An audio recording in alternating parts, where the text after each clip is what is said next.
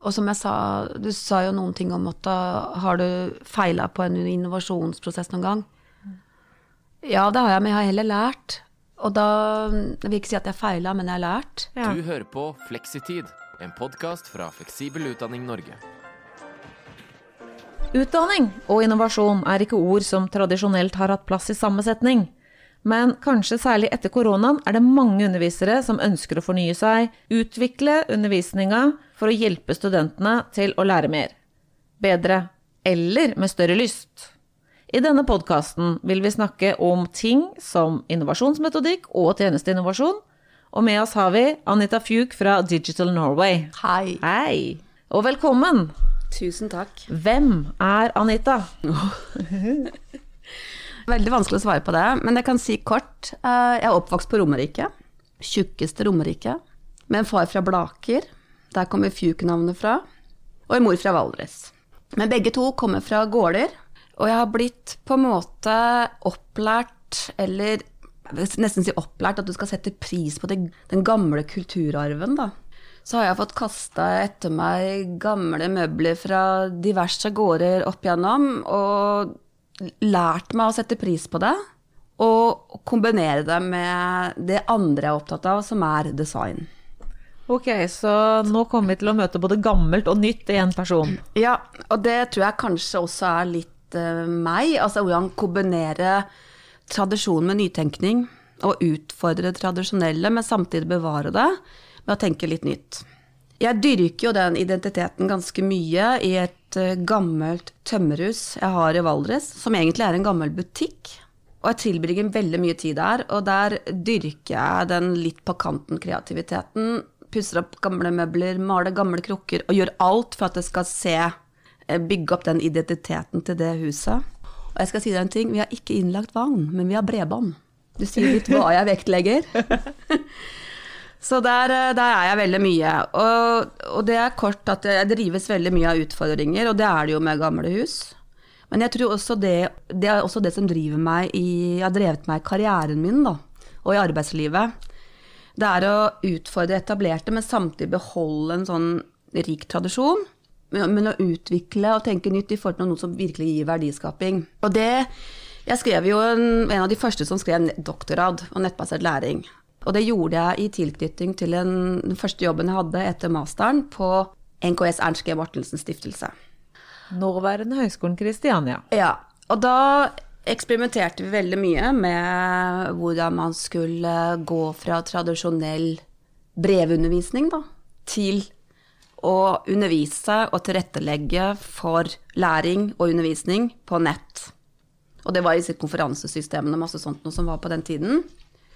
Men det som jeg syntes var så spennende der, var at liksom, hvordan skal vi bevare den identiteten og den gamle tradisjonen som den stiftelsen representerte, med noe nytt. Og de hadde jo vært rågode på det. Fordi de, når in, den infrastrukturen i Norge øh, med postsystemet osv. ble mer utbredt, så tenkte jo Ernst G. Mortensen om hvordan kan vi utnytte det? Hvordan kan vi utnytte den teknologien? Så jeg syns jo de var veldig gode til å hele tiden tenke nytt i forhold til eh, hvilke teknologiske muligheter som lå der til enhver tid, da, helt fra eh, opprinnelsen til nå, egentlig. Ja, det er spennende når vi kanskje ikke tenker på at faktisk postsystemet også er teknologi og infrastruktur. Ja, det var jo en, en teknologisk mulighet, og tog, togene også, ikke sant. Så det er ganske spennende, og det syns jeg det er litt sånn kjernen, da. Men uh, når jeg skrev denne doktorgraden, som jeg var jo første, en av de første som skrev om dette her, så, så, måtte jeg gå opp en del stier, som kanskje sier litt om at jeg liker å utfordre det etablerte.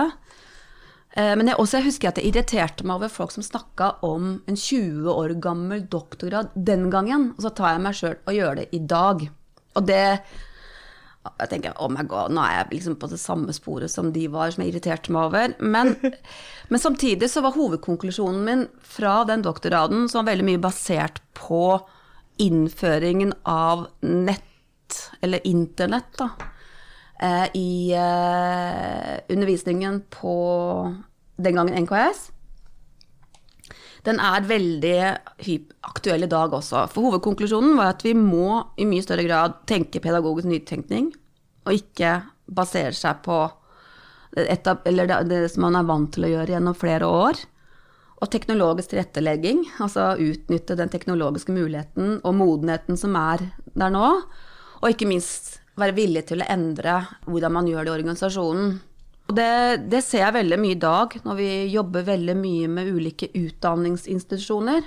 Ja, for da er det, jeg føler litt at det, dette er fortsatt aktuelle spørsmål, Ja. fortsatt ting vi strever med å få til i praksis. Ja, veldig. Og, og det har jo selvfølgelig noe med at uh, det er insentivsystemer og en kultur som sitter veldig i veggene. Men jeg opplever jo at det som um, er en hindring for å skape f.eks. etter- og videreutdanning da, for, eh, for arbeids- og næringslivet, det er at man det er ikke nødvendigvis at man ikke evner å tenke nytt, selv om man har noe der å gå, gå på også.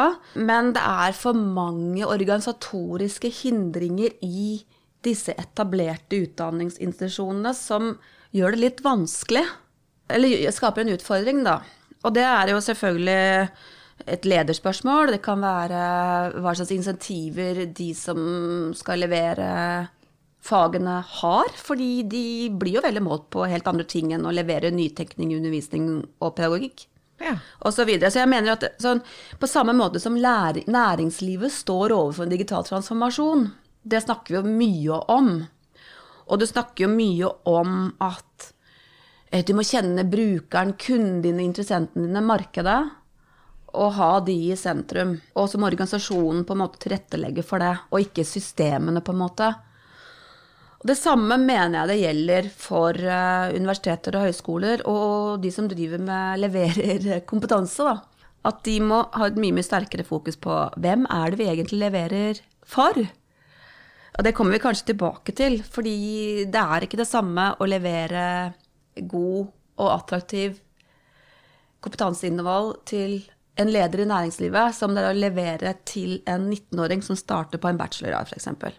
Nei, det tror jeg alle, alle på feltet kan være helt enig i. Ja. At der er det store forskjeller. Det er jo naturlig at vi snakker om, om også etter- og videreutdanning. Du leder jo Digital Norway sin satsing på livslang læring. Men så har du også et fagansvar, og det er jo grunnen til at jeg så gjerne ville snakke med deg i dag, for innovasjon, omstilling og ledelse. Og dere har jo bl.a. utviklet en sånn trinn for trinn-veiviser og læringsreise innenfor f.eks. da innovasjon og smidige arbeidsformer. Og så tenkte jeg det, I Veiviseren for innovasjon, den er åpen for alle å ta, så den kommer vi til å lenke til i shownotes for de som er interessert i å litt, eh, gå litt videre inn i temaet her. Men, men dere har jo laget en slags oppskrift, eller en sånn steg-for-steg-veiledning der. Og det høres jo nesten paradoksalt ut med en etablert metode for innovasjon, men, men er det slik at det finnes en slags etablert metode eller rekkefølge for innovasjonsprosesser? Nei, det gjør det jo Det er det jo ikke. Um, en sånn innovasjonsprosess, den er jo veldig mye prega av kaos, samskaping, og det vi ofte omtaler som iterasjoner, at du går liksom frem og tilbake. Du, du tester eh, et konsept med en bruker eller en kunde, og så, så opplever du at nei, det var vel ikke akkurat det de sa de ville ha. Så må du gå liksom tilbake og hent- innhente ny innsikt. Så det er liksom en sånn runddans med masse kaos og, og innsikt og eksperimentering. Men, men allikevel så er det en form for en struktur. Og når vi lagde da denne veiviser innovasjon eller smidige arbeidsformer, så må vi huske på at vi har Vi lagde dem for folk som ikke har praktisert det før. Og da må vi også legge opp en form for en struktur. Men det er jo noen kjerneprinsipper. Og det er eller grunnleggende prinsipper som går på tvers av egentlig alle Det fins masse innovasjonstilnærminger. Men det er det Du må ha innsikt. At du må forstå målgruppen og målgruppens behov og forventninger. Litt som vi snakka om også til utdanningsinstitusjoner. Man må forstå hvem er det vi lager ting for. Ja. Og så for utdanningsinstitusjonene så er det de lærende, studentene, Ja. elevene, innlærerne. Ja, Og for bedrifter så er det gjerne kunder. Ja. Og for det offentlige så er det, omtaler man som brukere. Ja, Det er deg og meg og innbyggerne. Ja, ja, ja.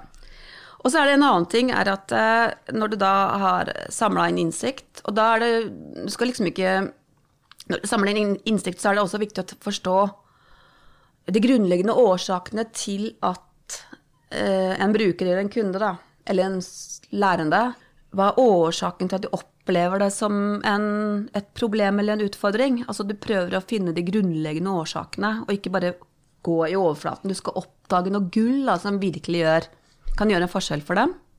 Og så er det det at du må, og det opplever vi flere ganger, når man jobber i et team, så har man ikke en sånn felles og grunnleggende forståelse for hva er egentlig problemet vi prøver å løse, og for hvem. Eh, Og det å virkelig ha det som en sånn veiledning da, i prosjektet er kjempeviktig, og hele tiden gå til den, ok, hvilke problemer er det vi skal løse nå? Og her syndes det jo veldig ofte, eller veldig mye, fordi man hopper veldig fort til en løsning, ikke sant. Man, og det er jo mer ekspert du er på et område, så hopper du veldig, veldig fort til løsning. Du går ikke de stegene hvor på en måte å virkelig prøve å definere hva, hvem er det vi løser noe for, da. Og det ser vi veldig tydelig sånn i, i teknologibransjer eller ved teknologiorienterte områder, så er de ikke vant med å tenke sånn. De er vant til å liksom, gå fort i gang og finne den kule teknologiske løsningen og begynne å starte å utvikle, uten at man egentlig vet da hvem er det man løser et problem for. Ja. Eh, Og så må man teste og involvere. Og jeg ser jo at selv om jeg vet at jeg skal gjøre sånn, og er vant og, og har gjort det og kan følge den prosessen, så er det veldig fort å gå kjemperaskt til løsning. Altså. Selv om jeg veit at jeg må bruke tid på de der første innledende fasene. Ja, for jeg lurte litt på det, for det er sånn, ja, litt sånn flåsete, da. Så Ja. forbinder vi ofte innovasjon med hippe folk i hettegenser som lager en app for Mm. alt mulig. Men jeg opplever litt sånn at, at vi som er opptatt av utvikling og undervisning, at vi f.eks. finner en app vi syns er kul, Mm. og vil bruke den. Det, da kommer vi på en måte med løsningen, da, og ikke egentlig har sjekket helt ut hva slags behov eller problemer Ja, det der er veldig, veldig vanlig, og det er jo også en utfordring for de som skal jobbe på den måten. fordi hvis, Særlig hvis de skal gjøre det innenfor en etablert måte å jobbe på i en virksomhet. Eh, For du har jo gjerne en styringsgruppe og en referansegruppe til prosjektet ditt. De er jo vant til å, å si at eh, ja, vi skal ha en app for dette, og vi skal lansere i juni 2022, før ferien. Men så viser det seg gjennom den innsiktsfasen med de du skal utvikle for, og i eksperimenteringsfasen hvor du viser skisser eller prototyper, at det er kanskje ikke en app som er løsningen. Gjennom den, den litt sånn kaosprosessen så kan det være helt andre ting som er årsaken til at en bruker opplever ting, da. Og det, og det kan kanskje være noe helt annet enn teknologisk løsning. I forrige episode så hørte vi Atle Hauge si at hvis det skal være en innovasjon, så må det være nyttig og nyttig for flere. Og det syns jeg du på en måte konkretiserer veldig godt da, når du sier at, at vi må ha innsikt om de vi skal innovere for. Som i vårt tilfelle veldig ofte er studenter, men det kan også være f.eks. støttesentrene som innoverer for underviserne. Ja, og det kan være lærerne også, at vi tilrettelegger for dem. Ja. Så vi må ha innsikt om brukerne våre, og så må vi vite på en måte hvor skoen trykker. Vi må vite hvilket problem de faktisk har. Og deretter så kan vi begynne å jobbe på en løsning. Men der er det heller ikke ferdig, for da må du drive og teste også, vet du. Det kan være bare sånne enkle papirbaserte ting. Nå er det ikke akkurat sånn at vi kan teste på alle eh, studenter, f.eks., sånn som du nevnte her, men du kan teste på hvis du er fra næringslivet, da, så kan du teste på en klyngeleder, f.eks., som kjenner eh, bedriftene i en klynge godt. Sånn at du, at du får de første innspillene, da. For her kan du også Når man leder et fagområde på en høyskole, f.eks., så brenner man veldig for det. Og man tror man vet hva det er man skal levere. Eh, Så det er alltid lurt å tenke litt utenfor sin egen boks, og spørre da de du skal eh, Og teste på de du skal utvikle for, da. Og så tenker jeg det at mange som driver, som vi tenker på som veldig innovative, driver jo for en kundegruppe, mens vi faktisk allerede er i det miljøet vi innoverer for i utdanning. Så du får jo veldig gode muligheter til å få veldig rask tilbakemelding, tenker jeg. Ja, det er unike muligheter. I hvert fall i undervisningen. Men går det an, for vi snakket om prototyp og sånn, går det an å innovere på metode? Går det an å innovere på hvordan man underviser? Mhm, jeg tror det gjør det. Og jeg tror at uh, du nevnte koronaperioden uh, innledningsvis. Og jeg tror ja, man har nok begynt å tenke på, eller fått en ny erkjennelse for hvordan man kan tilrettelegge for undervisning eh, via nettet. Jeg tror de som var motstandere av det, har fått en wake-up call.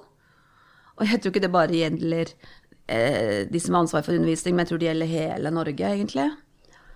Men det som kanskje var litt kjernen, var at de, anvend, de brukte de samme eh, si, fagdidaktiske metodene, bare liksom anvendt på nett. Ja. Så de innoverte ikke nødvendigvis. De bare på en måte plasserte det inn i, et, et ny, i en ny kanal, da. Istedenfor forelesningsrommet, så tok de det ut på Teams eller Zoom. Mens metodene var de samme. Metodene var det samme. 60 minutter forelesning. Ja. Men, men det ga likevel et spark da, til å tenke nytt, og mange gjorde nok det. Så det å utnytte eh, mulighetsrommet som ligger i teknologien, det trenger ikke å være så avansert.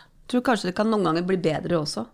Så en del av disse lærerne som forsøkte å flytte undervisningen sin over på nett, merket at elevene og studenter responderte dårlig på det. De kjente studentene sine, de hadde en viss innsikt, de forsto problemet, og så gikk de i gang med å prøve å finne løsninger. F.eks. mer bruk av arbeidsoppgaver. De brukte f.eks. quizer og breakout rooms. Så da var det på en måte en rask liten innovasjonsprosess som skjedde der, da, idet de begynte å endre det- sin praksis fordi de forsto problemet. Mm, men det kan hende at det bare var den første såkalte iterasjonen. Ja. At de skulle da Men det er jo også fint, for da har de en erfaringsbakgrunn at dette fungerte bra, dette fungerte ikke så bra. Og så kan de bak, på bakgrunn av det Jeg tror kanskje du må oppleve det litt på kroppen og teste ut. Og det, her går det på eksperimentering. Mange var gode, eh, men du, de eksperimenterte da, og veldig raskt, eh, for å da se hva er det som fungerer og ikke fungerer. Og kanskje det danner basis for å tenke litt nytt. Og mange er gode på det, altså. Og Atle Hauge snakket også viktigheten av grupper og team. Altså at man Mm. sjelden sitter og innoverer alene, men ofte gjør det i team. Ja. Og det er jo og det er et godt poeng, fordi at eh, um, det er viktig, og det ser vi jo uh, spesielt i Ja, det kan komme store organisasjoner og sånn som uh, har veldig mye siloer, og, og det er for så vidt også i, på utdanningsinstitusjoner også. Eller de kjennetegner alle store organisasjoner. Og et universitet er en stor organisasjon. ja, definitivt. Det er en kunnskapsorganisasjon. Og vi har mange også kunnskapsorganisasjoner i næringslivet. Det som er utfordringen, er at eh, når man skal innovere, så er man veldig ofte nødt til å tenke på tvers av egne, sin egen boks, da. På tvers av, eh, av siloene. Eh, For å liksom virkelig få til den store verdiskapingen.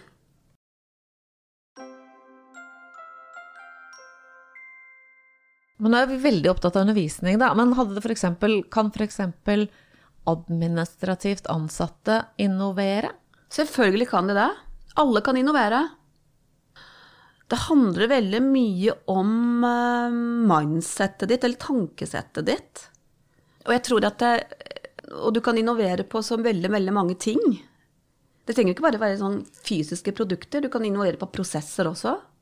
Det høres veldig spennende ut, og veldig aktuelt, vil jeg tro, for utdanningsfeltet. Ja, veldig, ikke sant? Og det, er- der er jo de administrative, de som sitter nærmest på utfordringene. Hvordan kan de effektivisere eh, og tenke nytt i forhold til de prosessene som de kan veldig mye om? Så jeg tror at det, det handler egentlig om du har lyst og vilje til å gjøre en forskjell, til å endre noe, f.eks. Jeg tenker at det er Og det liksom er, ikke, det er ikke bare de med hettegenserne, altså.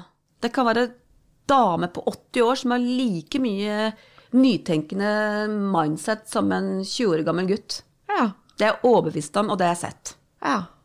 Og da tenker jeg det må være en liten sånn call-out til eh, dere som jobber med administrasjon også. Når vi ser på hva som trengs for å få i gang fleksibel utdanning. Ja, vi har snakket om modulisering, vi har snakket om løpende opptak, vi har snakket om grader av formalisering, og der er det jo de administrative som må komme på banen og hjelpe til å lage systemer. Det er ikke underviseren. Nei. Og de kjenner, på, de, de kjenner jo på dette her daglig. Og de snakker sikkert med frustrerte studenter eller kunnskapssøkende altså, også, så de liksom kjenner det fra deres ståsted også. Ja. Så det er jo, de er en viktig ressurs for å få til den omstillingen som vi snakket om. ja. Så det de trenger å gjøre da, det er å prøve å systematisere litt den innsikten de har om brukerne sine. Ja, det kan de gjerne gjøre, og det har de sikkert tonnevis av. Ja. Så sett i gang og vise. Vise løsninger, vise skisser. Beskrive Sånn. problemet og Ja. lage Og Forslag til løsning. Ja, tegne, lage en powerpoint-presentasjon, hva som helst. Dette vil løse det vi ser hver eneste dag. Og gjerne bruke altså bevis, altså sitater f.eks. fra noen som har ringt til eller har opplevd noe. ja. For da blir det så veldig tydelig at eh, det er ikke jeg som opplever dette her, men det er de som sitter og skal prøve å kjøpe studier av oss, eller som skal ta studier hos oss, f.eks., som opplever det her. Som opplever frustrasjonen. Ja.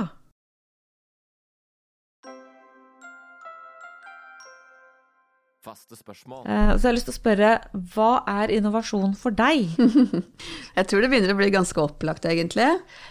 Jeg syns det er veldig, veldig viktig å tenke på at eh, innovasjon ikke trenger å være noe helt radikalt nytt, men at det på en eller annen måte skaper ny verdi for den målgruppen du fokuserer på, og i form av at du løser noen utfordrende problemer for dem.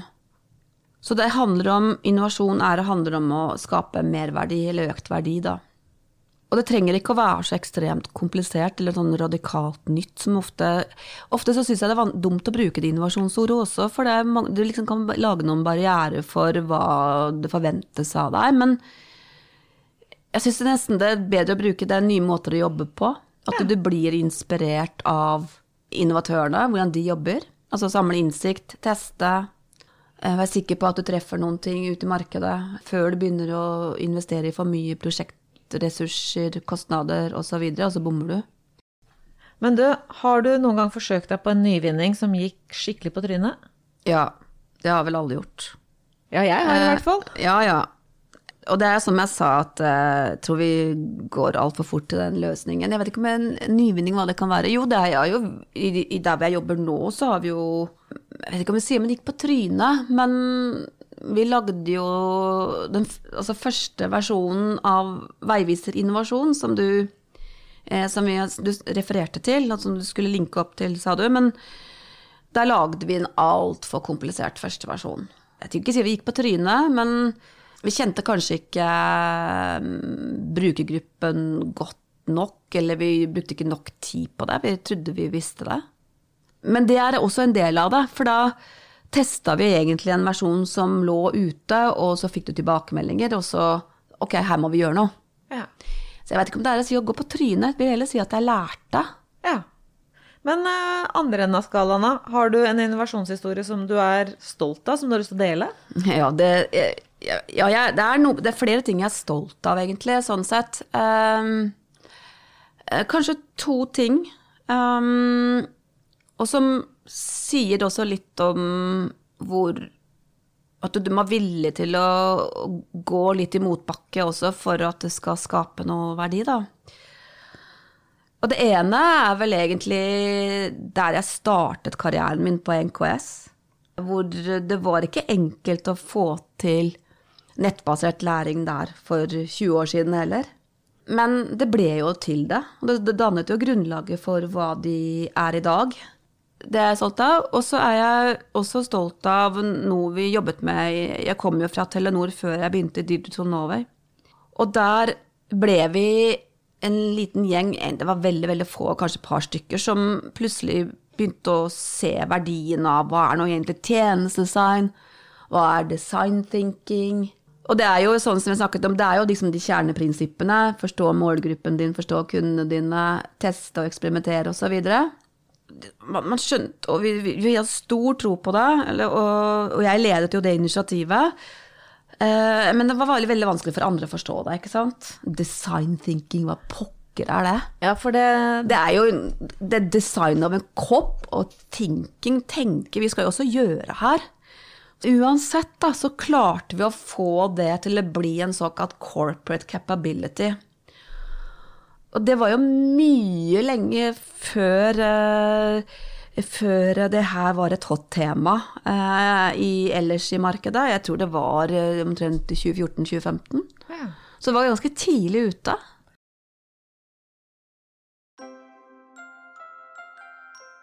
For nå har vi jo begynt å snakke mye om læringsdesign. Ja, Det er kommet fort i det siste. Mm. Henger det, er det noe av det samme? Jeg kan tenke at det gjør det. Eh, For design handler jo Altså, det spørs jo Design er jo, som jeg sa, det er ofte man forbinder det med det er en fin kopp, det er en fin stol, og det er også dyrt, ikke Ja. sant? Men design handler også om å tenke og tilrettelegge for nye ting. Så det er liksom prosessen også. Jeg snakker jo om å designe en læringsprosess, f.eks. Du lager hovedelementet, du skisserer hovedelementene, og hva er læringsmålet her? Hva du skal lære? Men du har nødvendigvis ikke gått inn i detaljene på hva skal teorien være, gjesteforelesere skal vi ha på? For da går det inn i utvikling, ikke sant? Så designet er egentlig å sette opp hva er det vi ønsker at dette skal bli.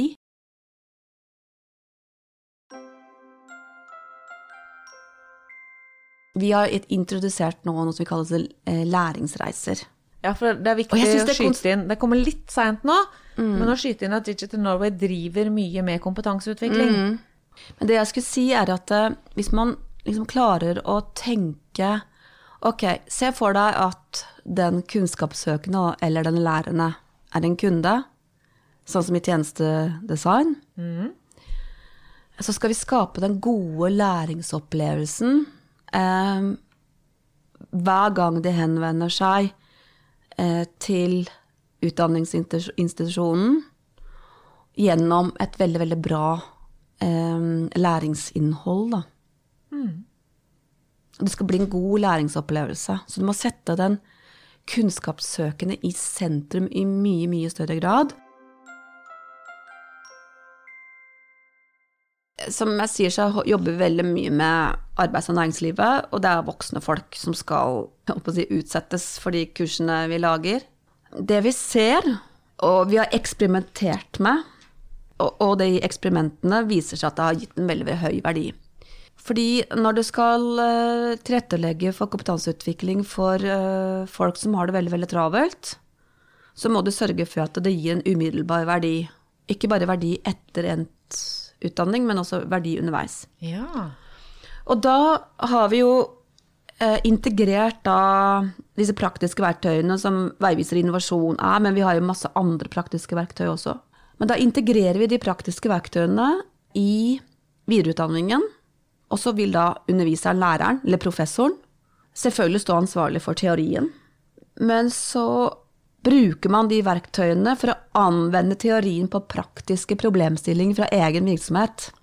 Som en slags case inn i arbeidskravene, eller Ja, og da blir læringen så mye mer umiddelbar, ikke sant? Fordi at da prøver du det ut i praksis. Det er ikke bare en teori. Teori og innovasjon, det er jo Det er lett å lese det, og man kan forstå det i te teoretisk. Det er noe helt annet å prøve det ut i praksis. Og da kjører vi gjerne praktiske workshops, hvor vi de tester ut da de verktøyene som vi har tilgjengelig, videre, for at de skal få den møkka på hendene, liksom klare å, å se og oppleve det litt, da. For å kunne kontekstualisere det mye mer i forhold til teorien. Ja, for det er også en ferdighet som må læres på Ja, det er definitivt en ferdighet.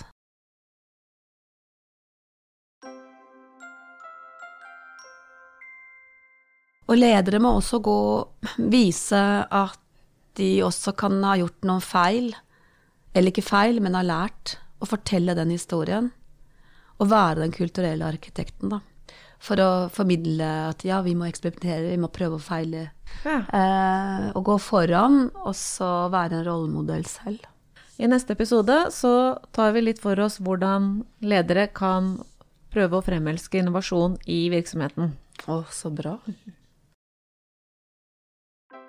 Du har nå hørt podkasten Fleksitid fra Fleksibel utdanning Norge.